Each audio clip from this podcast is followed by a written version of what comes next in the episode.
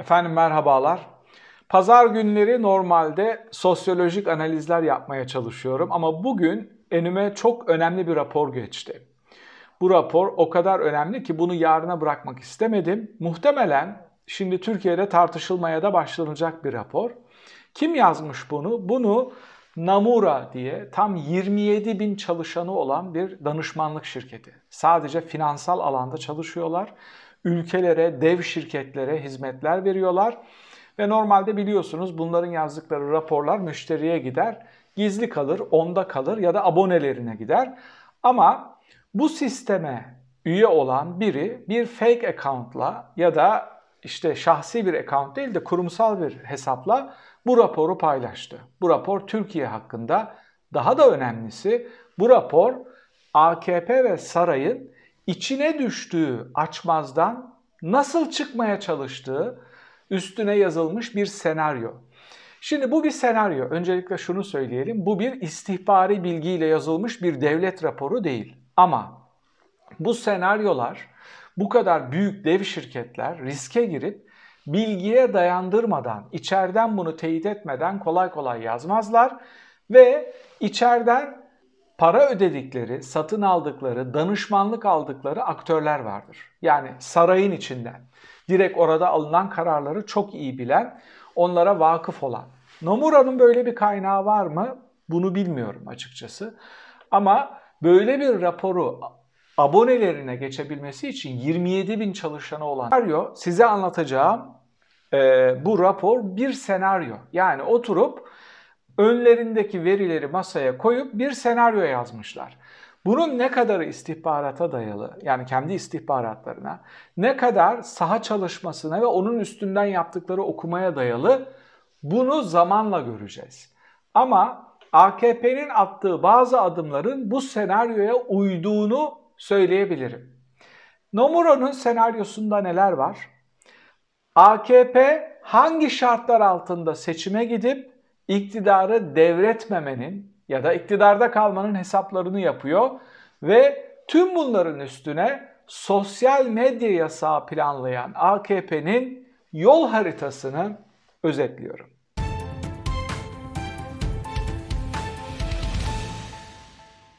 Raporu yayınlayan Nomura, daha doğrusu bu senaryoyu yayınlayan Nomura 30 farklı ülkede 27 bin çalışanıyla finansal alanda ve uluslararası ticaret alanında danışmanlık hizmeti veren dev bir şirket.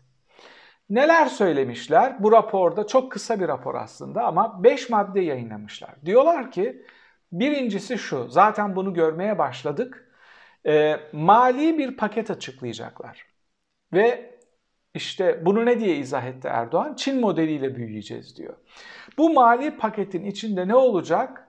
Faizleri düşürecekler. Faizleri düşürmelerindeki taktik şu. Döviz fırlıyor vesaire ama kredi verecekler.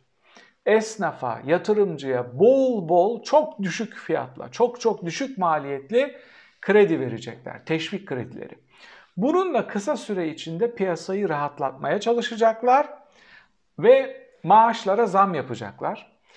Bu yeterli mi tüm bunlar? Hayır, tüm bunlar yeterli değil. Tüm bunları yaptıklarında hala ortada bir risk var. Çünkü kafası çalışan insanlar şöyle diyecekler. Bu suni bir para pompalaması. Şu anda ne yapıyorlar? Elde avuçta ne var ne yok nakite çevirmeye çalışıyorlar. Körfeze gidiyorlar. Onlar da ne diyor? Arap yatırımcılar ağızlarının suyu akarak çok ucuz fiyata Elimizde nakit var. Onunla Türkiye'den ne bulduysak satın alacağız. Neden? Çünkü kriz durumlarında söylenen bir laf vardır. Cash is king. Nakiti olan kraldır. Adamlar zaten kral. Şimdi nakiti olduğu için duble kral olmuş oluyorlar. Elde avuçta yok pahasına hemen hemen satabildikleri her şeyi satıp onu nakite çevirip onunla seçimi satın alacak hamleleri yapacaklar. Plan bu. Peki buraya kadar fotoğrafı gördük. Buraya kadar fotoğrafı gördük. Bundan sonra öngörülen senaryolardan bir tanesini Nomura yazmış. Diyor ki bu yeterli değil. Ne yapacaklar? Bir çatışma çıkartacaklar. Bu bir savaş durumu olabilir. Bir cephe açmak olabilir. Bunu ne için yapacaklar? Olağanüstü hal ilan etmek için. Yani seçime olağanüstü hal şartları altında gidecekler. Bu ne anlama geliyor? Bu şu anlama geliyor. Belki çok büyük merkezlerde, büyük şehirlerde, çok merkezi alanlarda sandıkları muhalefet rahatlıkla kontrol edebilecek. Ama koskocaman Anadolu'yu düşünün. Kürtlerin ağırlıklı olarak yaşadığı bölgeyi düşünün. Bir önceki seçim de olağanüstü hal şartlarında yapılmıştı. O hal şartlarında yapılmıştı. Diyarbakır'da MHP oyunu katlamıştı çıkan sonuçlarda. Şimdi bu tuttuğu, kısmen tuttuğunu gördüler ve buradaki senaryoda ortaya koydukları şey şu. Bir dış tehdit ortaya koyup, muhtemelen bir dış tehdit ortaya koyup olağanüstü hal ilan edecekler ve olağanüstü hal şartlarında seçime gidecekler. Senaryoda şunu da sormuşlar. Tamam bunu da yaptı ama tutmadı. Ne olacak? Yani tüm bu enstrümanları kullandılar ama yine tutmadı. O zaman diyor ki o zaman daha kötü bir senaryoya geçiyor. Çok daha kötü bir basamak ötesine geçiyor. Diyor ki bu da tutmazsa enflasyonun kontrol altında tutulamayacağını ve Türkiye'de iç karışıklıkların vuku bulacağını düşünüyoruz. İşte benim yıllardır altını çizerek, korkarak, endişe ederek söylediğim evre. Buraya gelirse ne diyorduk? Açlık değil, yağma. Yokluk değil, fakirlik değil, yağma evresi başlayabilir. Oranın buranın yağmalanmaya başladı. Bu senaryoda da bu altı çizilmiş. Yani civil unrest diyor. Ee, bir sivil huzursuzlukların başlayabileceği, ucu açık artık orada neler olabileceğini bugünden öngörmek zor. Şimdi bu senaryo içeriden bilgi almadan yazılabilir mi? Bu kadar prestijli bir şirket bu kadar çılgın bir senaryoyu kağıda dökebilir mi? Bu önemli bir soru. Döviz yükselince saraydan insider bulmuş olabilirler. 3-5 kuruş verip oradan bilgi almaya başlamış olabilirler. Alamamış da olabilirler. Muhtemelen bu yayın sonrası farklı basın kuruluşları da bu raporu değerlendirecektir. Satır aralarını çizmeye çalışacaktır. Kimileri itibarsızlaştırmaya çalışacaktır. Ama adamlar bunu yayınladı. Bu da artık açık edildi. E, sosyal medyada paylaşıldı. Bundan sonra atacakları adımları görürseniz şayet diyeceksiniz ki ha bakın bu senaryo doğruymuş. Neden bunu böyle söylüyorum şimdiden? Görürseniz şayet diyorum. Bunu açıklayacağım ama bu senaryo tutar mı? Yani AKP bu şartlarda seçime giderse seçimi kopartabilir mi?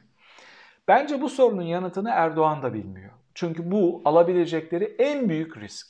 O hal şartlarında seçime gidip buradaki iman şu aslında. Seçimi çalacaklar.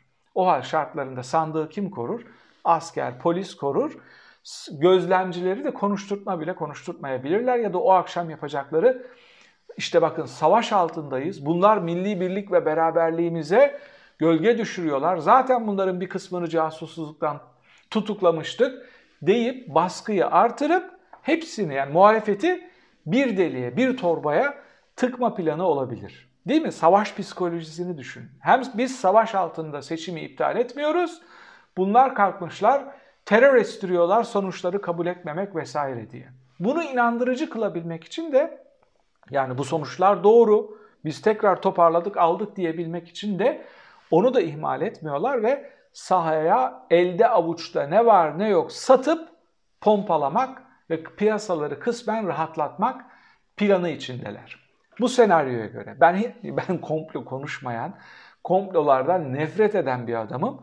Sadece size küresel ölçekte dünyanın en prestijli, en büyük şirketlerinden birinin açıkladığı raporu yorumlamaya çalışıyorum. Onun satır aralarıyla birlikte size yorumlamaya çalışıyorum. Peki AKP'den kopan kitle bu finansal yardımlarla AKP'ye dönebilir mi? Şimdi AKP'den kopan kitle bir partiye gitmedi. Köşede bekliyor. Parayı kim basacaksa onunla birlikte olacak şeyi var, beklentisi var. Yani kim beni rahatlatacaksa, kim beni mutlu edecekse onunla birlikte yürüyeceğim diye bir beklenti içinde. Bir partiye geçmediler. Bu çöküşü görmelerine rağmen reislerine kızgınlar ama para bulup bize verirsen sana sarılırız diyorlar tekrar. Koşa koşa sana geliriz.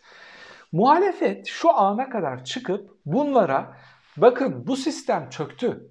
Buradan çıkış yok. Sizin için ekonomik programımız şudur. Sakın oraya dönmeyin. 3 gün rahatlarsınız ama ömür boyu aç gezeceksiniz. 3 gün size yemek yedirir, bir masaya oturtur ama masada işiniz bittikten sonra, o gün işiniz bittikten sonra aç kalacaksınız. Bu fotoğrafın anlatılması gerekiyor. Çünkü elde avuçta ne var ne yok satıp ancak kumarbaz bir baba ailesine 3 gün yemek getirebilir. Kumarı bırakıp çalışmaya başlamıyorsa o baba o evi saatini satarak 3 gün karnını doyurabilir. Karşınızdaki aktör Saray kumarma, kumarbaz ve hovarda bir baba gibi. Şu anda saatini satıyor. 3 gün bu kitleyi rahatlatıp onları tekrar kazanıp ailenin dağılmasına mani olmaya çalışıyor. Çalışmaya yani hukuka, demokrasiye, normalleşmeye dönmek gibi bir niyeti yok zaten deklare ediyor bunu. Çin modeliyle yürüyeceğiz diyor.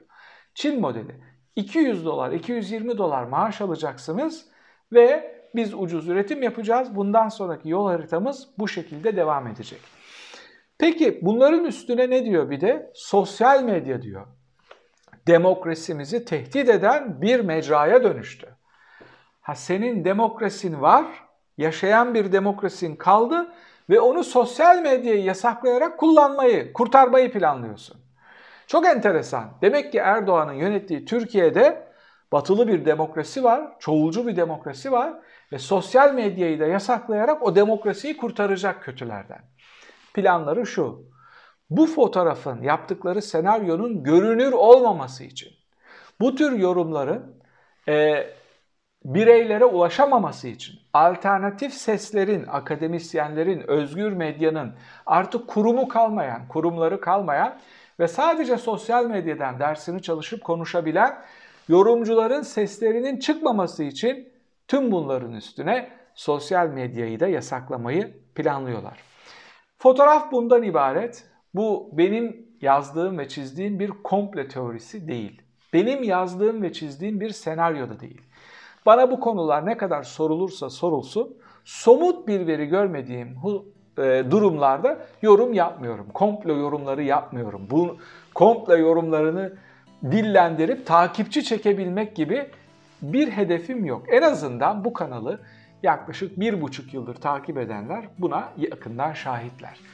Yani onlarca, düzinelerce yorum yaptık. Bunların hiçbirinde komplovari bir şey dillendirmedik. Bu da komplo değil, bu bir senaryo ama dev bir şirketin tüm abonelerine geçtiği bir senaryo. Bundan sonra kısmen bu senaryonun bazı tarafları çıktı. Bundan sonra ne kadarının çıkacağını, ne kadarının çıkmayacağını hep birlikte göreceğiz. Benim sorum şu, siz bu senaryonun doğru olma ihtimalini ne olasılık veriyor musunuz? Yoksa tamamen bunu absürt, deli saçması bir şey olarak mı görüyorsunuz? Erdoğan ve AKP kesinlikle böyle bir şey yapmaz mı diyorsunuz? Yorum köşesinde bunu tartışabiliriz. Bir sonraki videoda şayet sosyal medya hala yasaklanmadıysa birlikte olmak üzere efendim. Hoşçakalın.